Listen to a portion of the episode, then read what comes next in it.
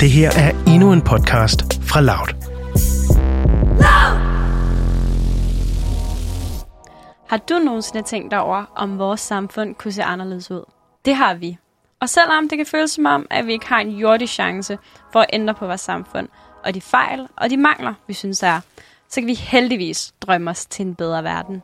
Det vil vi i hvert fald forsøge på i Utopien, hvor vi sammen med eksperter og meningsdannere vil skabe et bud på et alternativt samfund, bygget op på de fire idealer bæredygtighed, lighed, retfærdighed og lykke. I hver program vil vi tage fat i en ny problematik og en aktuel sag, og til sidst give et drømmende bud på, hvordan vi kan skabe utopien. I dag er din værter Philip. Hej. Hej Philip. Godmorgen. Og mig, Nana. Ja, og i dag øh, skal det handle om bæredygtighed, det skal handle om fast fashion, og det skal handle om slow fashion. Og øh, vi har to gæster, spændende gæster med i studiet, men inden vi øh, introducerer dem, så skal vi snakke lidt om, hvad vi har været igennem indtil nu. Det skal vi nemlig. For det her det er nemlig afsnit nummer 4. Det betyder selvfølgelig, at vi har været igennem tre andre øh, utopier. Øhm, og det startede i byen i vores øh, første afsnit. Vi havde først et pilotafsnit, men det første afsnit, hvor vi tog fat på en problemstilling, der var vi i byen, øh, og her der kom vi frem til nogle forskellige løsninger. Blandt andet, at øh, der skulle være mere plads til sådan nogle cirkulære, bæredygtige vandsystemer.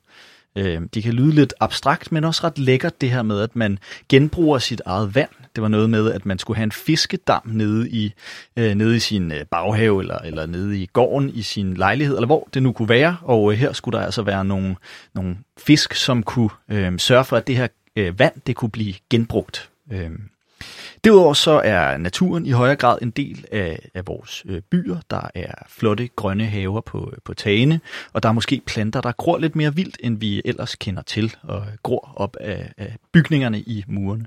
Øhm, ja, i andet afsnit, der tog vi fat på, øh, på internettet og på ekokamre. Øhm, og her øh, blev vi klar over, at vi fra nu af i den her utopiske verden altid læser betingelserne på, øh, på dit platforme, som vi bevæger os på. Det vil altså sige, når vi skal ind på øh, vores Instagram, eller Facebook, eller TikTok, eller Snapchat, eller hvor det nu måtte være, jamen så, løser, så læser vi selvfølgelig de her 15 siders øh, juraskrifter, hvor der står, hvordan og hvorledes med betingelserne. Det virker også lidt abstrakt, men altså, det kunne garanteret hjælpe os i sidste ende. Øhm, derudover så skal vi sikre en digital, digital dannelse. Det vil sige, at øh, de unge de skal uddannes i, hvordan man, øh, man gebærder sig bedst på de her platforme. Det kan være i skolerne, eller på universiteterne, eller gymnasierne, eller hvor det nu måtte være. Og øh, til sidst, i, øh, inden for internettet, så er det vigtigt, at der kommer nogle internationale samarbejder om lovgivning, øh, som ligesom kan sørge for, at man holder styr på de her tech-giganter på den ene eller på den anden måde. Ja, og øh, det sidste afsnit, vi var øh, igennem, det var skærmtid. Og Nana, vil du ikke løbe os lidt igennem, hvad vi lærte der? Jo, i forhold til skærmtid, så fandt vi ud af, at øh, vi unge faktisk er blevet frygtelig afhængige af vores skærme. Mm. Og måden at skabe mere balance på er simpelthen, at vi skal blive bedre til at regulere med måde vores internetforbrug, og særligt vores forbrug af sociale medier. Og det kan man faktisk gøre på en masse forskellige måder. Blandt andet fandt vi ud af, at der er den her skærmtidsfunktion på ens iPhone, hvor du simpelthen kan sætte ind, hvilke apps du må bruge, hvornår og i hvilket tidsrum. Så hele din telefon kan faktisk være låst fuldstændig ned i øh, lange perioder af din dag, hvis det er det, du gerne vil. Og så det, på den måde kan du blive mere offline. Kan øhm. du, øh, kan du forestille dig det?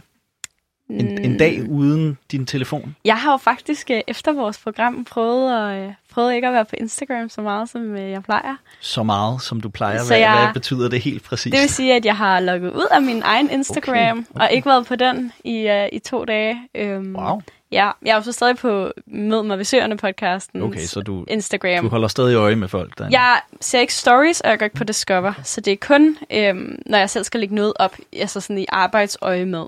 Okay. Ellers så har jeg holdt mig fra appen, og det er jeg faktisk ret stolt over, fordi ja. jeg er virkelig meget ja. på Instagram. Hvordan har den oplevelse været? Det har været super befriende. Jeg, jeg kan mærke, at jeg slapper mere af i, mm. mit, uh, i mit hoved, og så kan jeg også mærke, at jeg har mere tid. Øhm, jeg fandt ud af, at min uh, daglige skærmtid på sådan noget syv timer. Ej. Det er jo sindssygt meget, så jeg prøver at have en lille idé om, jeg gerne vil ned på to timer kun. Stærkt. Så jeg er lidt en lille mere... Instagram detox, du er i gang med der. Ja, det er det faktisk. Også øh, fordi jeg fik sådan, jeg fik det ikke noget dårligt sidste gang, men jeg var bare sådan, kæft en øjenåbner, hvor meget tid jeg bruger på det her, som jeg egentlig kunne bruge på min familie, mine venner og mine, øh, ja, mine, alle mine projekter. Mm. Det er helt sindssygt. Der er jo ikke nogen at sige til, at man er så stresset, hvis man er på sin telefon syv timer om dagen. Det er så mærkeligt. Ja. Øhm, og så skal vi have mere indblik i at være offline, var også en af de helt store ting. Vi bliver nødt til at vise, særligt øh, børn og unge, mm. hvad det vil sige at være offline. Altså, det er simpelthen nogle nærværende relationer og nogle nærværende konstellationer, man indgår i på en helt anden måde, øhm, end når telefonen ligger lige ved siden af, og man lige skal tjekke en notifikation. Så det er noget, man skal give videre til sine børn særligt, øhm, så de ligesom kommer til at, at vokse op med en, en balance imellem deres øh, telefon, altså deres offline og deres online liv. Fedt. Og det er ligesom de tre øh, emner, de tre områder, vi har været inde på i de øh, seneste tre programmer. Og i dag skal det som sagt handle om øh, bæredygtighed og om tøjproduktion. Og øh, skal vi ikke starte med sådan at ramse lidt op, hvordan vi øh, forestiller os, vores utopi ser ud inden for øh, sådan tøjproduktion? Jo, det synes jeg helt sikkert. Vi har, vi har skrevet nogle punkter ned, og det første det er, at vi ønsker, at alle har råd til at købe tøj, som er produceret bæredygtigt. Og det er jo det her med, at øh, det forestiller jeg mig i hvert fald, og det har vi to eksperter med i studiet, der kan, blive sådan, øh, der kan sørge for, at vi bliver en hel masse klogere på det. Men det er fordi, jeg forestiller mig, at bæredygtigt tøj er dyrt, og det er det jo nødvendigvis ikke. Det er jeg sikker på, at vi finder ud af senere. Ja, derudover så er der nogle penge, øh, som vi jo øh, betaler for det her tøj, vi nu engang går i. Og øh, de penge, de øh, rører til en tøjproduktion, som bliver, øh, som vi godt kunne tænke os blev mere retfærdigt fordelt. Øh, så denne her lønforskel mellem, mellem dem, der producerer det, og dem, der sælger det, udjævnes. Så der ikke sidder en eller anden øh, fattig person i Kina eller i Pakistan og bliver betalt en skilling for at lave det her tøj, som bliver solgt dyrt i Danmark eller i Vesten, eller hvor det nu bliver solgt hen. Og øh, til sidst, så øh, synes vi, at det er vigtigt, det her med, at at tøj det forbliver øh, et æstetisk produkt for os. Øh, tøj det skal ligesom kunne matche vores øh, personlighed og vores værdier. Vi vil ikke bare øh, simpelthen bære uniformer og, og blende ind i, i mængden. Vi vil kunne skille os ud på en eller anden måde, og det betyder rigtig meget for, for mange. Så det er ligesom øh, det, vi godt kunne tænke os, øh, sådan umiddelbart i hvert fald. Men Nana, først og fremmest, øh, så kunne jeg godt tænke mig at høre, hvor meget du går op i tøj du står her i et meget øh, sporty outfit. øh, men, øh, men hvor meget betyder det for dig? Øhm, jamen jeg tror, et har tøj noget funktionalitet over sig. Mm. Øhm, jeg har mest træningstøj på i dag, og det er fordi, at øh, jeg har været i fitness, og, og skal nok også ned og træne senere, træne noget andet måske. Mm. Øhm, så det har sådan lidt en indflydelse på, hvorvidt jeg, øhm, hvad kan man sige, hvorvidt jeg bruger øhm, mit tøj ret funktionelt. Altså, det skal ligesom være noget, der, der ligger der her på, og noget, der jeg kan bevæge mig i. Ja, noget hvor, behageligt. Ja, men på den anden side kan det også være noget tøj, som jeg gerne vil se pænt ud i. Altså, jeg vil gerne have en pæn kjole på, hvis jeg skal i byen. Og der tænker jeg nok ikke så meget over, hvem der har lavet den, nærmere hvordan den ser ud. Mm. Altså, vil jeg se godt ud i den der? Jeg tror ikke, jeg, jeg har desværre ikke så mange overvejelser over, hvor jeg køber min, mit tøj henne. Altså, jeg tror, jeg vil nok aldrig købe på sådan noget som Shein og sådan noget. Det ved jeg simpelthen ikke, hvad er. Det er nogle internet-websider, hvor et, jeg mener, tøjet bliver sendt fra Kina. Okay. Øhm, og det er pivbilligt. Mm. Altså, det er sådan noget, vi snakker Det er sådan noget Wish-agtigt. Ja, lige for, præcis. For ja. Okay. Samme, samme boldgade som Wish, bare med ja. tøj øhm, primært. Der kunne jeg nok aldrig nogensinde finde på at bestille noget, men det er fordi, at jeg ligesom har en forestilling om, at den kvalitet er så meget ringere end mit mm. tøj fra H&M og alle mm. mulige andre steder. Mm. Og det ved jeg faktisk ikke helt nødvendigvis, om det er, men det, det kan det jo snilt være. Ja. Så jeg synes, det er sådan lidt Ja, jeg synes, det er lidt svært, fordi jeg tror egentlig gerne, at jeg ville gå op i det, men det gør jeg ikke. Nej. Hvad med dig? Ja, men det er jo et svært spørgsmål at svare på. Altså, jeg, jeg, går, jeg går meget op i det tøj, jeg, jeg går i. Øhm, ikke nødvendigvis, at det er et bestemt brand, øh, men mere, hvordan det ser ud. Jeg går op i, at det, det afspejler min personlighed, og det betyder noget for mig, at jeg går klædt på, på den og den måde. Og så prøver jeg selvfølgelig... Øh, af og til, ikke altid hele tiden, men af og til at tænke bæredygtighed ind og tænke konsekvenser øh, ind i det tøj, som jeg bærer. Øh, prøver at læse op på, om det er produceret i Danmark, eller om det er produceret et eller andet sted, hvor, øh, hvor der måske er nogle menneskelige konsekvenser, eller nogle klimakonsekvenser, eller, eller hvad det nu måtte være. Er du sådan en, der går i genbrugstøj? Ja, det kunne jeg sagtens finde på. Øhm, jeg har igennem mit liv gået vildt meget genbrugstøj. Min mor er en genbrugsguldjæger, øhm, så jeg har gået helt vildt meget øh, genbrugstøj. Også fordi, at så er det min mor, der har fundet det til mig. Øh, men nu er jeg blevet ældre, og nu er det ligesom mig selv, der sørger for at, at, at finde det tøj, jeg nu engang går i. Øhm, og jeg synes bare, at, at man skal have et eller andet, en eller anden passion for at jage genbrugstøj, for det kan tage lang tid, og den tid har jeg bare ikke altid. Og så er det altså nemmere at, at gå på ASOS, eller gå på, ja, hvor det nu måtte være, og finde, finde mit tøj. Det er jeg meget enig i. Jeg synes også, det kan være svært, hvis man leder efter noget specifikt, og så går i genbrugsbutik. Så føler jeg også tit, hvis man skal i genbrug, skal man gerne have en speciel stil. Mm. Altså, hvor, hvor at, at, at jeg er måske bare lidt basic, og sådan er det. Altså, jeg gad godt, at jeg sådan, var pissegod til at sætte sådan nogle 70'er skjorter sammen med et eller andet mega cool, men det er jeg ikke. Jeg kan ikke se det. Altså sådan, jeg kan godt, øh, hvis der var nogen, der gad at købe det til mig og give mig det på, så kunne jeg sikkert godt finde ud af det. Men, men skal jeg selv stå og gøre det, det har jeg absolut ingen æstetisk sans for. Men nok om øh, os to og vores tøjvaner. Nu skal vi øh, introducere vores første gæst her i studiet. Det er Martin Patrick Mitchell. Er det korrekt udtalt? Jeg udtaler det med en uh, mere dansk accent, vil jeg sige.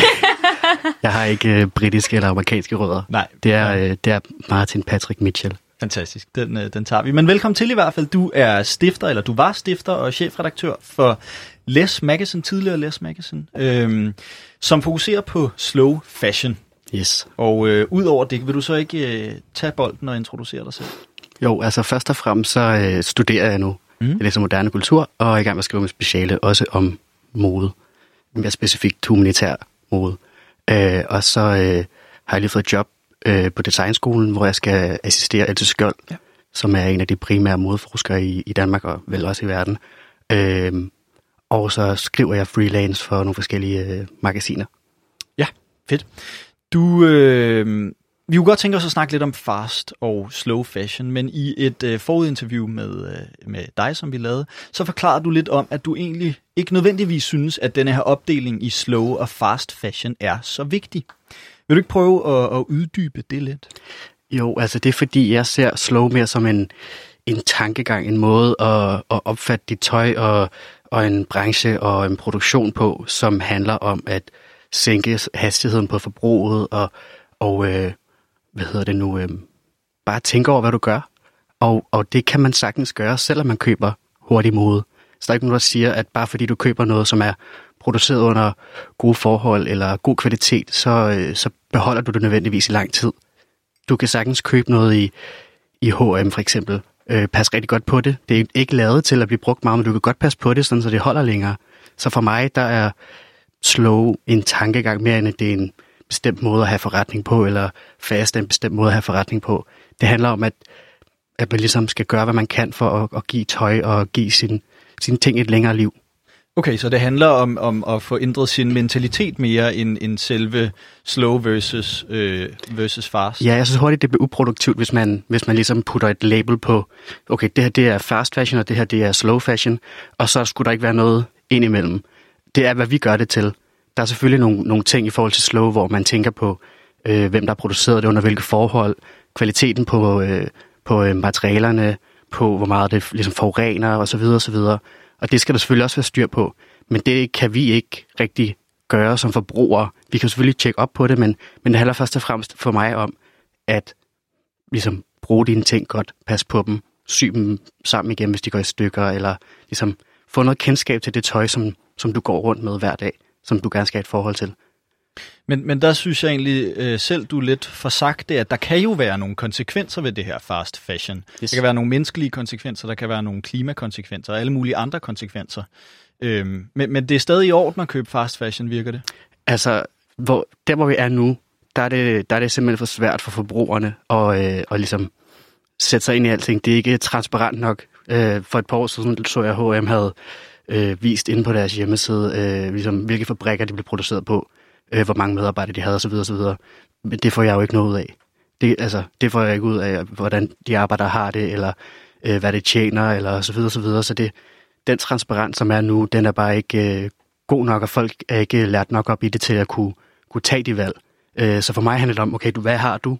Hvad kan du gøre i den situation, som, som du er i? Det kan godt være, du ikke har råd til at købe øh, dyrt tøj, som, som Nanne også siger måske, at det handler mere om, hvad du kan gøre i den situation. Øh, og det er det, som der er slow for mig. Så de mærker, som arbejder med slow, det er dem, som ligesom tænker tøj mere personligt, hvor et fast fashion er mere sådan generisk og, øh, og lavet ud fra nogle standardstørrelser, nogle standard type forbrugere, øh, og det er de færreste, der er det. Så det handler om, at ligesom, både tøjmærkerne og vi selv ligesom, i fællesskab skal få tøj til at leve længere, eller hvad man kan sige. Okay. Øhm, har vi som, som forbrugere, nu det, det lyder lidt på dig, som om vi ikke har, men har vi som forbrugere mulighed for at øge den her transparens, som, som virksomhederne viser eller ikke viser? Hvis vi kan jo kræve det. øh, ved at, at være aktivistiske, og det ved jeg, at Johanne også er meget, øh, meget inde på, at ligesom, vi kan kræve at øh, få mere information øh, omkring de ting, som, øh, som vi går med. Øh, det er ikke det, jeg specialiserer mig specielt meget i. Jeg kigger på, på folk, hvordan de bruger deres ting. Øh, ja, det er det, som, det er det, som der er det primære for mig. Så hvordan får vi omstillet denne her øh, mentalitet, som rigtig mange af os øh, har? Øh, det kender jeg måske lidt selv, at, at det er jo sådan set nemt at gå ned i hendes og Maurits og købe en t-shirt til, til 30 kroner, og når den så er brugt i et halvt år, så kan man bare købe en ny. Øh, især fordi man ikke øh, kan se øh, konsekvenserne øh, for, for sine egne øjne. Det sker mm. et eller andet andet sted. Hvordan får vi omstillet denne her mentalitet? Jeg tror, vi skal lære folk, hvad det er, at der er i tøj. Altså, hvad betyder tøj? Hvad kan du bruge tøj til? Øh, og selvfølgelig skal folk lære om, om de forskellige øh, værdikæder osv. osv. Men i den bedste verden, så burde de ikke lære om det. Og det er det, som jeg plæderer for, at vi ligesom skal gøre, hvad vi kan med det, som vi har. Og derfor kan fast fashion produceret tøj sagtens være slow i mine øjne, selvom det ikke er lavet lokalt eller gode materialer eller så videre, så videre. Så det handler om, at du ligesom lærer dig selv at kende, og du lærer det tøj, du har at kende. Fordi tøj er personligt. Men, men hvad betyder det? Kan du ikke prøve at sætte nogle flere ord på det? Hvad betyder det at, at lære sit tøj at kende? Er det, det, er det ikke bare tøj, man tager på, eller sådan? Det kan man sige, men det er jo, det er jo, det er jo som du selv siger, det afspejler din personlighed. Mm. Øh, det kan være, om det sidder godt, det ved jeg, en af Else Skjolds kæpheste, at, at uh, fast fashion brands ligesom ikke tænker på andre end den gennemsnitlige forbruger. Og det er det færreste år, altså det er det færreste bare, fordi det er et standardmål. Mm. Øh, så du skal ligesom gå ind og se på, okay, hvad, hvad ser egentlig godt ud på mig? Øh, hvad kan se godt ud på mig? Hvordan kan jeg få længden på min ærmer til at passe til mig, så jeg ikke bliver træt af tingene, øh, hvis, det, hvis det passer til en bestemt stil. Så for mig handler det om at ligesom øh, bruge det og øh, lave det om, hvis det ikke fungerer for dig, eller sådan. Det handler bare om ligesom arbejde med, hvad du har. Ja. Øhm, hvem er de store tabere i denne her tøjproduktionsligning øh, over det, forbruget? Det er vi jo alle sammen, kan man sige. Vi, har, vi producerer alt for meget. Øh, jeg tror, der er tal på, at vi, vi skal sænke produktion med 75 procent eller sådan noget, for at vi ligesom bliver bæredygtige i, i en produktionstanke. Det er jo rigtig meget. Øh, så så det, er både, det er både miljøet, naturen, biodiversiteten, øh, de mennesker, der arbejder for fabrikkerne, der bliver behandlet forfærdeligt i mange tilfælde, øh, og selv vores fremtid. Altså det er jo, det er jo alle, det går ud over. Ja, altså det, det, det er fedt at høre, øh, fordi det er jeg sådan set øh, ret enig i. Øh, men, men omvendt så forestiller jeg mig, at det er dyrt at producere slow fashion. Yes. Øhm, og når det er dyrt, så bliver det også forbeholdt for en, en enkelt målgruppe.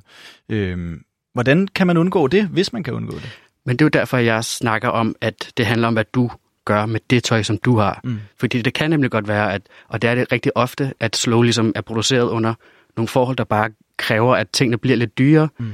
Og så kan man jo sige, at det er jo den ægte pris på tøjet. Og det er det også, øh, men det er bare ikke alle, der kan betale det. Øh, og det skal vi også acceptere. Det er derfor, jeg ikke gider at lave de der opdelinger, fordi at det hurtigt ekskluderer rigtig mange mennesker, som ikke har hverken de sociale eller økonomiske kompetencer og kapital til at, ligesom at kunne gøre det.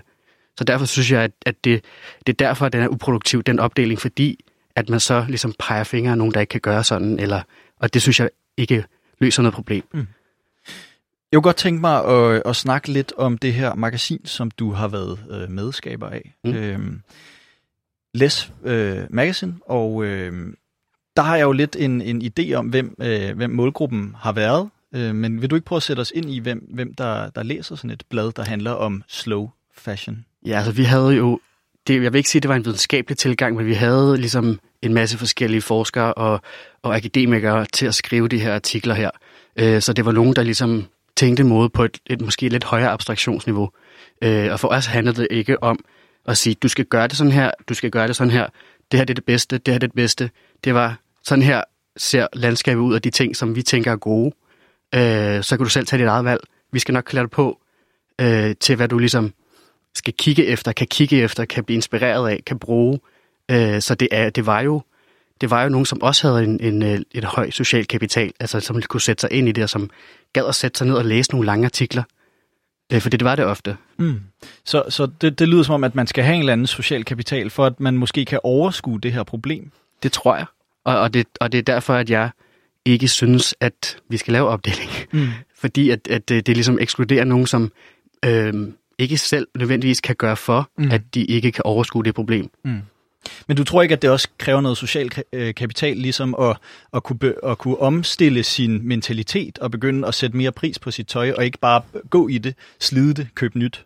Jo, men det er jo derfor, vi har sådan nogle gode influencer for eksempel, som, som kan vise, hvordan man kan gøre det på en, på en lidt mere stille og rolig måde, end, end den måske lidt højtravende måde, som vi, vi tog det an på. Men det var også ligesom, vi, vi, vi tænkte ikke øh, så meget på en hverdagsforbrug, eller hvad man kan sige. Vi tænkte, vi tænkte på at smitte ned igennem systemet på, hvordan man ligesom kan, øh, kan gribe det an på, på en abstrakt måde, men også en, en lidt konkret måde senere hen. Øh, vi, vi havde både den der, det der mix af øh, ligesom tunge artikler, men også inspirerende øh, visuel content, så man ligesom så, hvordan det kunne bruges i virkeligheden. Og der er ikke nogen, der siger, at man skulle bruge de ting, som vi øh, viste, en til en. Det var bare ligesom en inspiration til, hvordan man kan gribe det an. Så kan man plukke forskellige ting fra det. Øh, og det er det, jeg ser som, som det vigtige, at man ligesom skal, skal tage det, som man synes kan passe til en. Mm. Og så gør man det, man kan gøre. Der er, der er en masse, der arbejder på øh, at ligesom lave nogle systemer og lave om på systemerne, sådan så man ikke behøver at tænke så meget over det. Men indtil da, så synes jeg, det er, det er ligesom at, at arbejde med, hvad man har. Der er, Ja. masser, der er masser, der ligesom tænker nye cirkulære øh, hvad hedder det nu, forretningsmodeller og, og tænker nye materialer og nye teknologier osv. Og, så videre, og, så videre. og det er også godt. Øhm, men vi skal også stadig huske, hvem der har det på, hvordan man har det på, øh, forbrugerne. Og, og det er der heldigvis rigtig meget øh, modforskning, der ligesom tænker på nu, at ligesom tænker systemtanken, hvis I, hvis I er bekendt med det. Altså ligesom, der har været en, en tendens til at kigge på de forskellige systemer isoleret. Øhm, men de kigger, nu kigger man mere på sådan en systems-tanke, at de forskellige systemer faktisk hænger sammen på mange måder. Og, og der har været en tendens til ligesom at kigge på teknologien som frelseren. At det er ligesom den, som skal komme os og, og redde os ved at lave nogle gode øh, med materialer eller forbedre værdikæden osv. osv. Men der er også en forbruger i den sidste ende, Ja. og det er den, som jeg fokuserer på. Men spørgsmålet er så, om vi ikke mister penge på, øh, på det her. Det er, jo ikke så, det er jo så ikke nødvendigvis slow fashion, men, men det her med at omdanne sin mentalitet, det gør jo også, at man i sidste ende vil købe mindre, fordi man passer mere på det. Det gør jo også, at, at der skal produceres mindre, og, og derfor også bruges færre øh, til at producere det. Mm. Øhm, hvad gør vi så, hvis vi, hvis vi mister en masse penge? Men det er jo... Øh, jeg er rigtig glad for, for forskeren Kate Fletcher, som, øh, som sidste år udgav en... Øh, ja, det var vel en rapport, hvor hun snakkede om, at vi skal grow out of growth logic. Mm. Altså, vi skal, vi skal vokse forbi en vækstlogik. At det ikke er vækstlogikken, der skal styre, Nej. og, og profitten og så videre. Det er ligesom den jord, vi står på, øh, som er det vigtige. Hvordan, hvordan får vi det, det til at fungere? Mm. Øh, og så, må man, så kan man tænke i nogle nye øh, paradigmeskiftende øh, forretningsmåder og så videre, og så videre. Men det handler først og fremmest om, hvordan vi kommer den væksttanke, den lineære tanke til livs. Øhm, vi hører en hulens masse om flytrafik og kødspisning og togferier og, og alt sådan noget. Vi hører ikke, føler jeg i hvert fald, jeg ved ikke, om du har det på samme måde, men vi, vi hører ikke vildt meget om, om hvor, hvor meget tøjindustrien kan øh, egentlig forurene.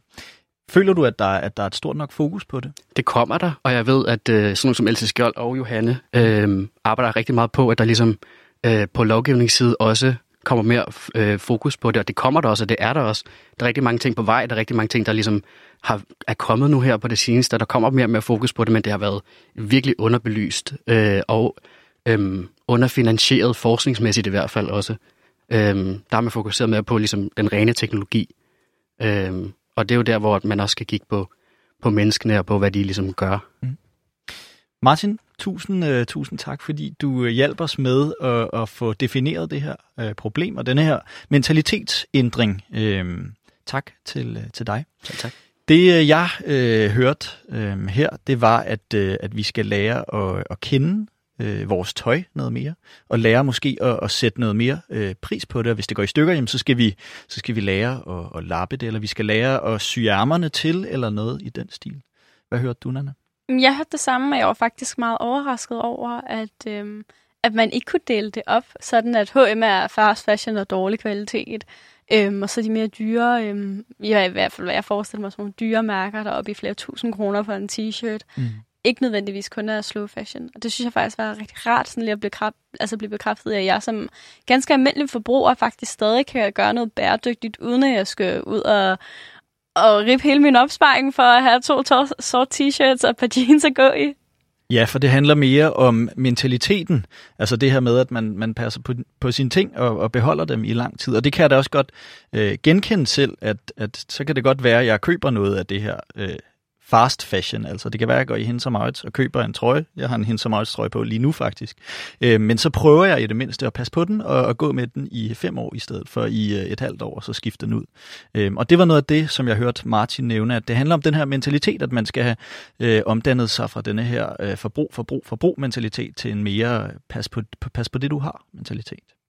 Helt enig. Jeg er også meget, hvad kan man sige, chokeret over, at, øh, at øh, ja, jeg er ikke chokeret nødvendigvis, men også at alt tøj jo et eller andet sted er standardproduceret. Altså jeg synes faktisk tit, at jeg har svært ved at finde ting, jeg kan passe. Mm. Sådan rent målmæssigt. Og så synes jeg faktisk, det var et rigtig godt tip, det der med at fokusere på at sy det, sy det om. Mm. Altså ligesom få, en, uh, få, få det brugt på en helt anden måde. Også mm. hvis der kommer hul i en trøje, at du ligesom bare kan sige, Nå, så laver jeg det om til et par hårlestikker. Mm. Ja. Det synes jeg er super cool. Ja, derudover så hørte jeg øh, Martin sige, at vi skal ud over den her vækstlogik. Jeg stillede ham spørgsmålet om, øh, jamen, hvad med konsekvenserne ved, at vi producerer mindre? Så er der jo færre jobs. Øh, men der skal vi ligesom ud over den her vækstlogik, så det ikke bare kun handler om, at vi bare skal være større og stærkere og tjene flere penge. Øh, og det synes jeg også, der er en rigtig fed pointe i. Det er der også, og særligt det her med, at der er noget lovgivning på vej frem på området det synes jeg er rigtig spændende. Mm-hmm. Også hvordan, øh, hvordan det ligesom forløber sig, hvordan man går igennem den proces. Det er jo sikkert en årlang proces at skulle mm. igennem, for rent faktisk at få noget regulering på det her område. Og så synes jeg jo også bare, at det er, det er sindssygt sejt, at der er nogen, der tager den kamp op for os andre, mm. så vi kan være sikre på, at vi ligesom tænker mere bæredygtigt i forhold til vores valg. For det er jo tit det, at man som enkelt forbruger, der kan det godt føles rigtig, rigtig overvældende og skal tage de her valg. Men når det ligesom bliver, øh, bliver bestemt for dig på et højere plan, så gør det meget nemmere for dig som forbruger at tage de her beslutninger mm. på en meget mere fornuftig måde. Ja, det tror jeg også, vi skal snakke med Johanne om øh, lige om et øjeblik, det her med at og, øh, og få overblik over, øh, hvad der er bæredygtigt og hvad der ikke er bæredygtigt. Om der står et eller andet lille bitte markat inderst i sin trøje, og hvis der så står et lille bitte markat, er det så overhovedet et markat, som betyder noget, eller er det hende som arts Conscious, øh, eller hvad det nu måtte være. Øh, så det, det tror jeg også, øh, Johanne kan hjælpe os med, at, øh, at få en eller anden form for idé om, hvordan vi, øh, vi skaber overblik over det. Men øh, inden da, der skal vi øh, høre et, et øh, nummer, og det er en rigtig klassiker. Det er et nummer fra Mad- Ma- Madonna. Mad- Madonna. Madonna. Madonna. Madonna. Og øh, det hedder Material Girl, og øh, det kommer her.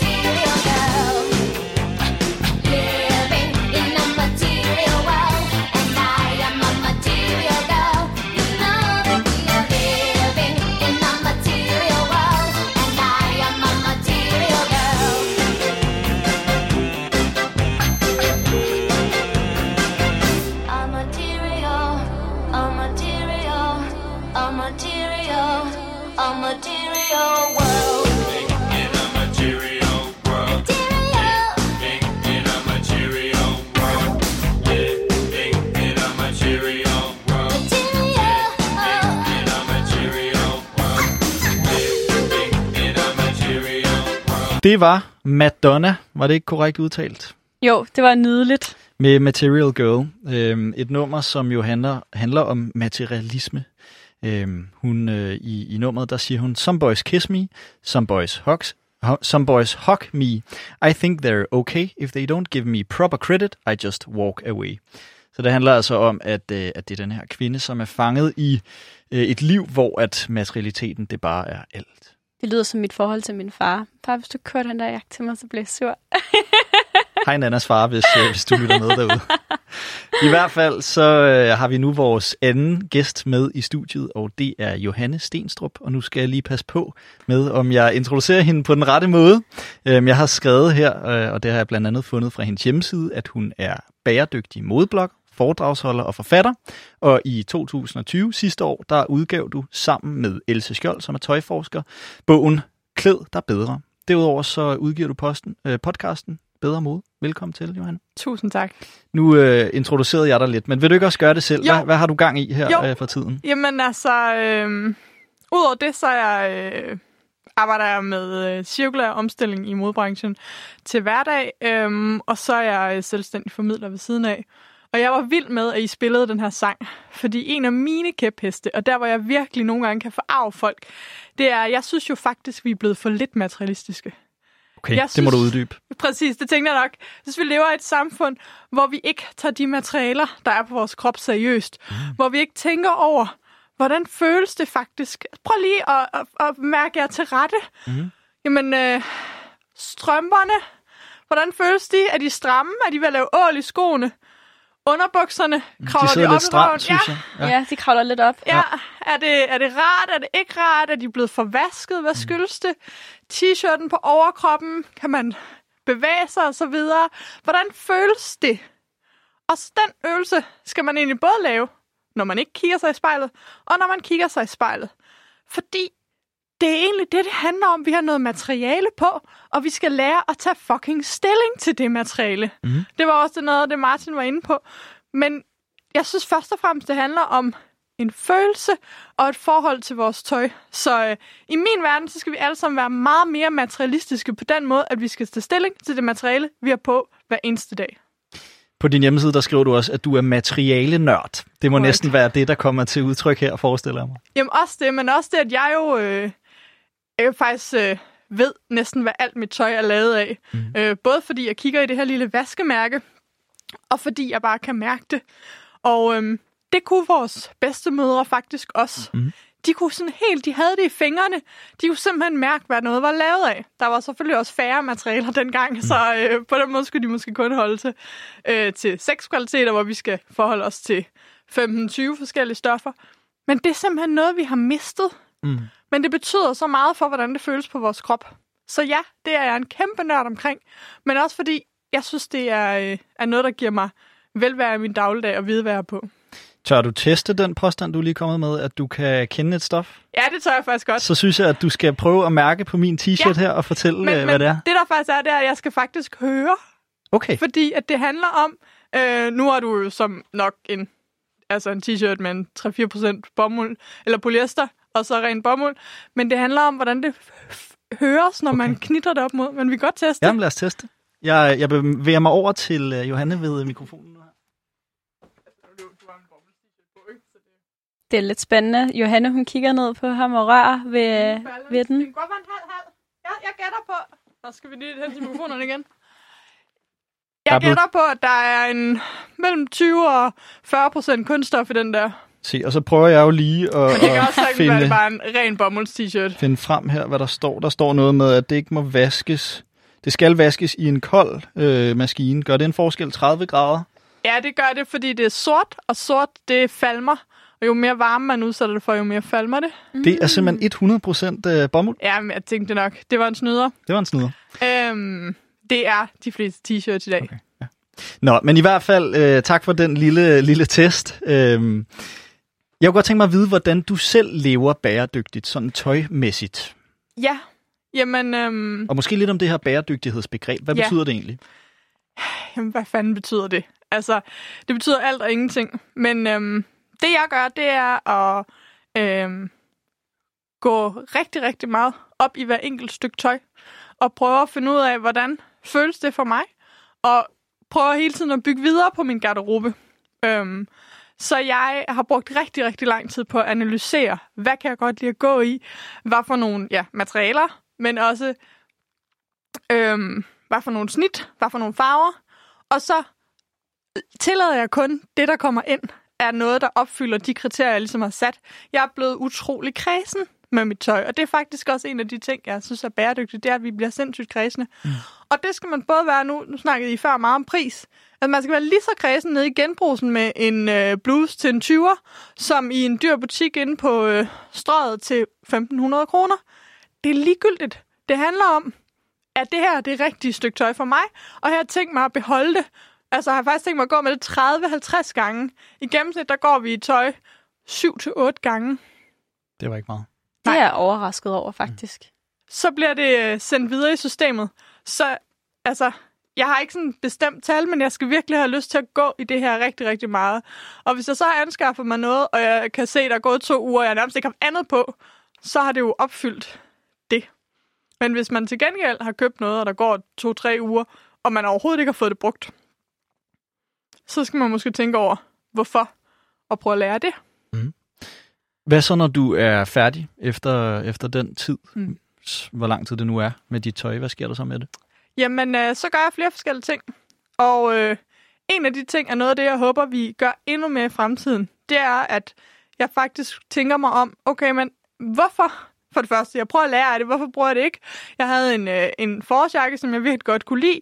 Men da det så blev forår her i 2021, så havde jeg taget lidt på. I ved, coronakiloene. Og så tænker jeg på, okay, er der en måde, hvorpå jeg kan få den til at lukke over mine hofter? Jamen, det er jeg så. Og så får jeg så lavet nogle sliser i siden, fordi man, altså, sidefedtet fryser man jo ikke, når man cykler. Men det er ligesom vigtigt, at den kan lukkes. Mm.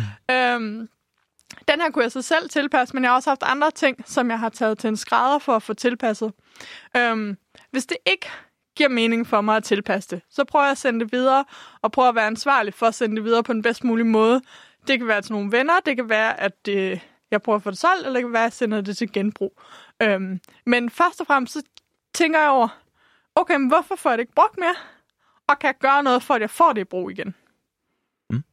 Men jeg tænker sådan lidt, Johanne, nu siger du, at du får syet slisser og sådan noget i. Jeg ville øh, personligt aldrig nogensinde få så god en idé. Jeg vil ønske, jeg kunne, altså. Men hvad er alternativet så for mig? Er det så at smide det i, i genbrugen? Hmm. Nej, alternativet er at finde en dygtig person, som kan hjælpe dig. Mm. Især hvis det er et stykke tøj, hvor du egentlig tænker, at der er noget potentiale. Fordi der er selvfølgelig noget, hvor man er færdig med det. Altså ikke at man havde en gul fetish, og så lige pludselig så har man fået farvet hår, og så går det gule tøj, altså par ikke længere. Så skal det ud til nogle andre, som elsker gul. Men der findes, rigt- eller, der findes nogle få, de er i vækst. Det vi kalder reparationsgrader, tilpasningsgrader, hvor man kan gå ned og så finde ud af, hvad fanden. Men jeg tror faktisk i fremtiden, så forestiller jeg mig, når vi har et behov, så går vi ned i en butik, som har det hele, som har mega dygtigt personale, hvor du både kan købe nyt, du kan købe gammelt, du kan tage dit eget gamle tøj med ned, du kan få tilpasset, du kan få rettet til, om det, du er blevet større eller mindre. Du kan få noget tøj, og så kan de med det samme, altså i virkeligheden, så er det her jo ikke meget anderledes, end hvordan man købte tøj for 60, 40 år, øh, 60, 70 år siden. Og så er det et mix af det hele, så handler det om, at du kommer ind, bliver mødt af en professionel person, fordi ja, det er da ikke fair, at vi alle sammen skal kunne det. Du kan garanteret, du er garanteret kreativ på nogle helt andre ting. Så vi skal have masser af kreativiteter i spil, ude der, hvor vi køber tøj. Okay, der, der hører jeg noget utopisk. En, Yes. øh, en Ja. kæmpe stor butik, eller Yes. lille, eller jeg ved ikke, hvad, størrelsen, men i hvert fald en, en butik, hvor der mm. både er plads til at købe nyt, Mm. købe gammelt, Mm. eller brugt, genbrugt, øhm, få syet sit gamle tøj om til Ja. enten til andre eller til en selv, Mm. få det tilrettelagt på en eller anden måde, så det passer Få ind. tilpasset det tøj, man køber, mm. sådan at inden man får det med hjem, så er det det helt rigtige. Øhm, eller simpelthen sælge sit eget tøj videre. Mm. Alle måder at få brug på. Det kan også være, at man leger et stykke tøj. Ja, det er, øh, det er sådan en butik, jeg forestiller mig i fremtiden. Men Johanne, du har jo også skrevet en bog omkring det her, hvordan man, øh, hvordan man som forbruger kan, kan klæde sig bedre. I bogen mm. Klæde dig bedre, sammen med Else Skjold fra Designskolen. Kan du forklare lidt mere om den? Ja, altså øh, navnet provokerer en lille smule de fleste. Mm. Det handler faktisk om, at vi er pisse ligeglade med, hvordan du går klædt. Det er vigtigt for mig, at du ikke er ligeglad. Mm. Du må ikke være ligeglad med, hvordan det føles, hvordan det ser ud, og hvordan du har det i det. Så det handler om at klæde sig bedre for sin egen skyld. Mm. Øhm, og det kan man kun ved virkelig at analysere, hvad man godt kan lide. Så den her bodyscanning, vi lige har lavet, den skal man egentlig lave med alt sit tøj. Måske gå ind i sit klædeskab, prøve det hele på. Det er totalt urealistisk. Men måske i hvert fald lige, når man tager noget af det ud, sådan lige mærke efter, hvordan føles det. Og man skal både lære af sit favorittøj. Det er rigtig, rigtig vigtigt. Det, der sidder helt vildt godt, hvis nu du er rigtig vild med den her bomulds t-shirt. Hvad er det så ved den? Hvor sidder sømmene og så videre? Altså, der er meget i en t-shirt. Mm. Og, og så skal man lære det tøj, man ikke får brugt. Fordi jeg tror, I er begge to, måske har I 70-60 procent af jeres garderobe, som I ikke får brugt. Hvis ikke endnu mere. Meget. 70 er gennemsnittet, mm. så kan I jo finde ud af, om I er gode mm. eller dårlige forbrugere der. Kæmpe air quotes. Og så lærer jeg det. Hvorfor får jeg ikke det brugt? Er det måske fordi, at det var underbukserne, der strammer, så er man nederst i vasketøjskurven, når man øh, får dem på? Og så lad være med at købe noget af det i fremtiden. Mm. Så man bliver nødt til at lære sig selv at kende og tage altså, ejerskab for sit tøj. Og der er rigtig mange, der siger, at jeg går ikke op i tøj, jeg går ikke op i mode. Men det er fint nok, men lad være med at fortælle mig, at du ikke ved, hvad du kan lide. Mm. Men, men det lyder som om, man skal have en eller anden virkelig sensitiv hud, hvor man skal kunne mærke, åh, oh, det her, det, det kilder dejligt, eller altså sådan, hvad nu hvis jeg bare har en t-shirt på? Mm. Selvfølgelig så har jeg købt den og tænkt, den er pæn, men, men, men for mig kan... er det måske bare en t-shirt på en eller anden måde. Ja, men så er det også fordi, det er en god t-shirt. Det tøj, mm. man ikke tænker særlig meget over, det er tit det, der er godt. Fordi du skal ikke bilde mig ind, at alle t-shirts, du nogensinde har ejet, har været lige gode. Nej. Hvad det, er det, er det, hvad er det ved nogen, hvor du ikke tænker over det?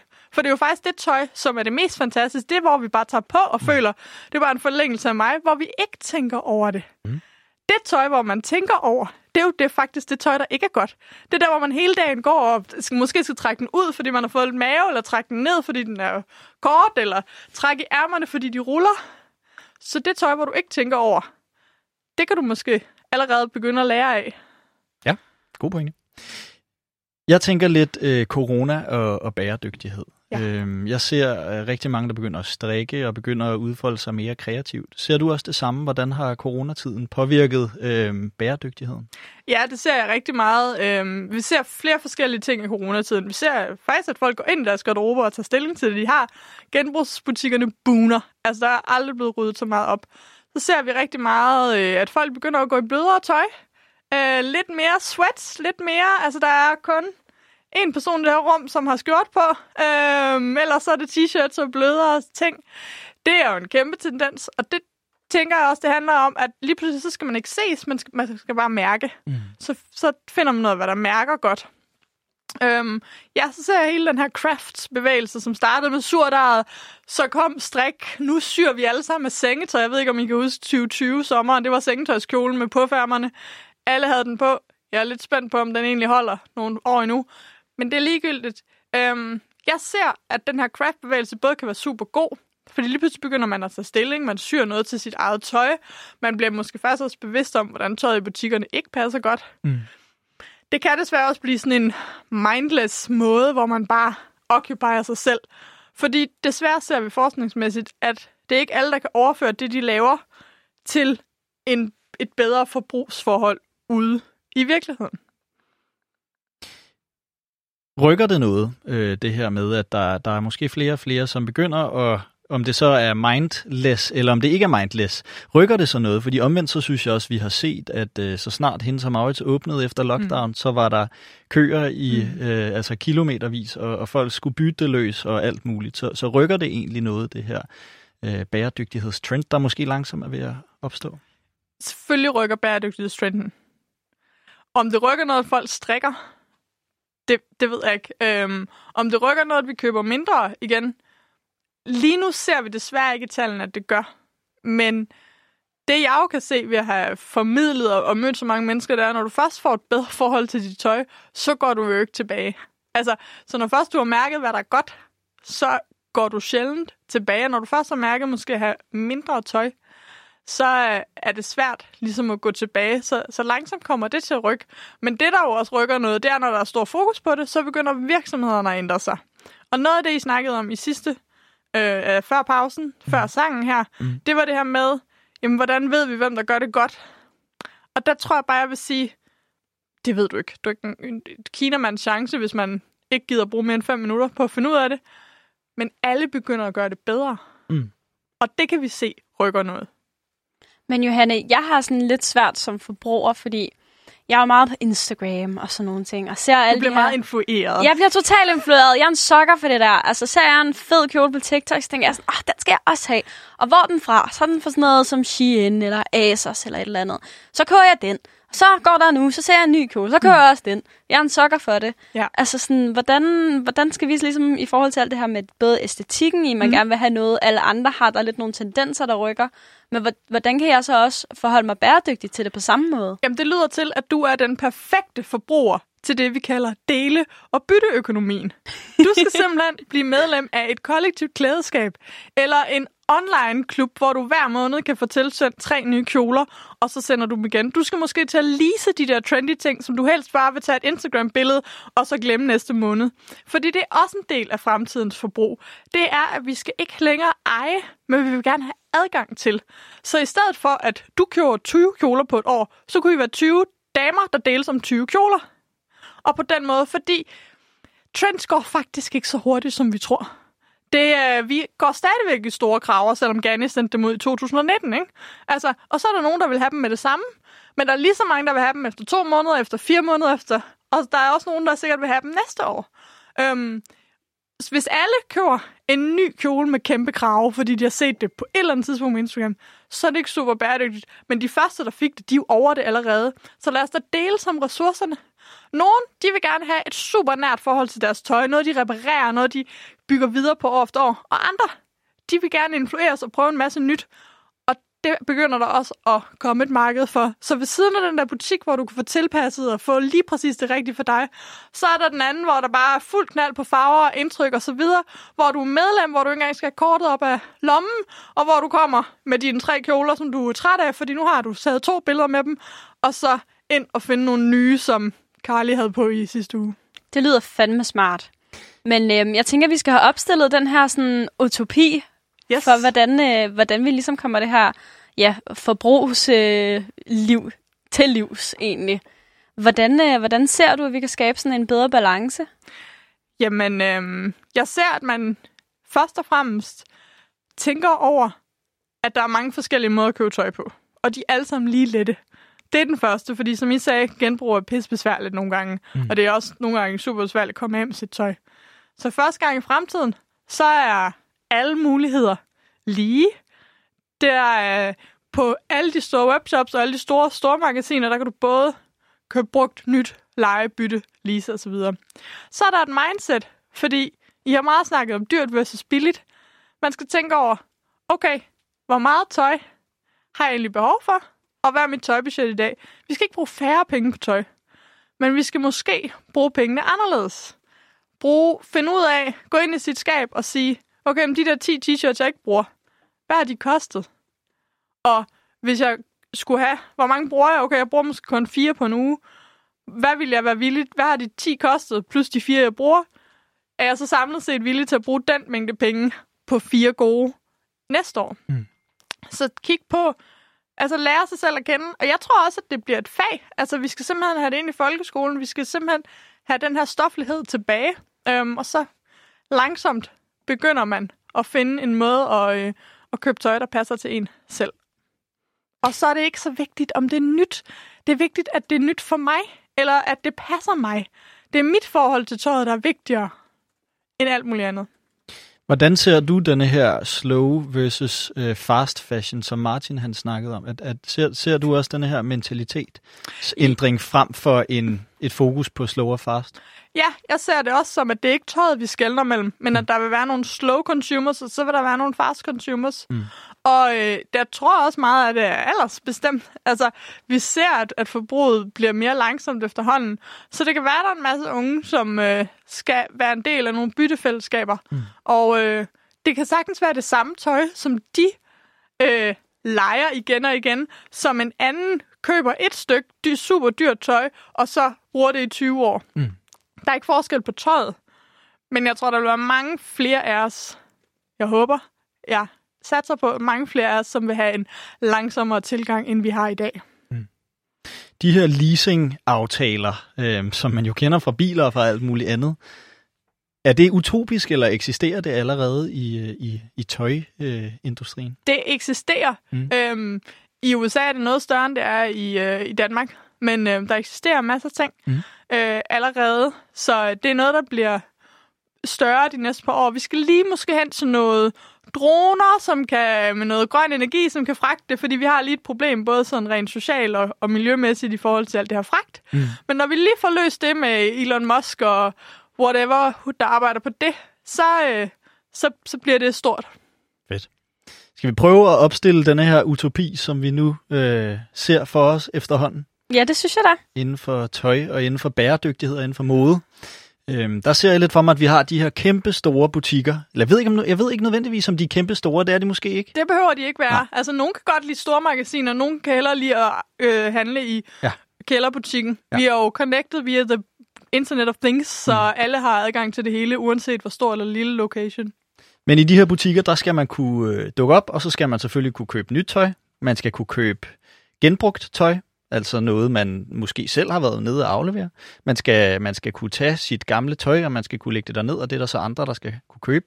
Derudover så skal man kunne komme ind med en kjole eller en t-shirt, som er begyndt at stramme lidt i siden på grund af corona-kiloene. Øhm, og så skal man lige kunne få syet den om. Det ved jeg ikke, om man, om man syr om, eller man river op og syr til, eller sådan noget ved jeg ikke så meget om. Men det skal man i hvert fald kunne, øh, kunne forme, så det, så det passer ind bedre. Mm, og så skal vi ændre vores, vores mindset. Mm. Vi skal simpelthen øh, vi skal klæde os bedre for vores egen skyld.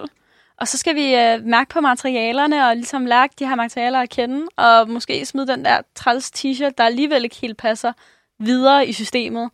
Og så rent faktisk bruge noget, der passer og sidder godt. Ja, jeg tror, at jeg skal hjem foran, foran spejlet og lige mærke, om sidder bukserne, som de skal, og strammer bæltet for meget, og hvad med underbukserne, og falder t-shirten på den rette måde. Sådan, ja, det er meget interessant det her med at, at faktisk mærke lidt mere, om, uh, om det er behageligt, det tøj, man har på. Ja, jeg har jo øh, fem sække med tøj derhjemme under sengen, som, øh, som jeg pænt venter på at skal ned igen på. Jeg bare ikke mm. lige altid lige får det gjort. Og så et fuldt klædeskab ved siden af. Så jeg skal lige tage mig sammen, kan jeg godt mærke. Det er lidt en opsang. Jeg kender det selv. Øh, derudover så skal vi begynde at lease tøj. Det er også en interessant tanke. Det, det kommer lidt af det her, du siger, Nana, med, at jamen, der er så mange fede Instagram-trends og TikTok-kjoler, og jeg ved ikke hvad, og som man gerne vil være med på, men samtidig er det fjollet at købe kjolen og smide den ud to uger efter. Det er jo det, og det er jo kun lidt sejt den ene gang på en eller anden mærkelig mm. måde, fordi man gider jo heller ikke have det alle andre på stadigvæk.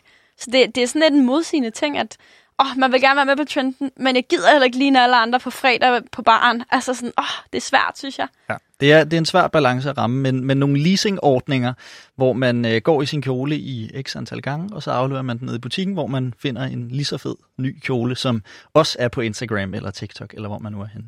Ja, det synes jeg fandme er smart, det må jeg sige. Det øh, var nogle af de sidste ord, vi øh, nåede her i øh, Utopien i det her afsnit.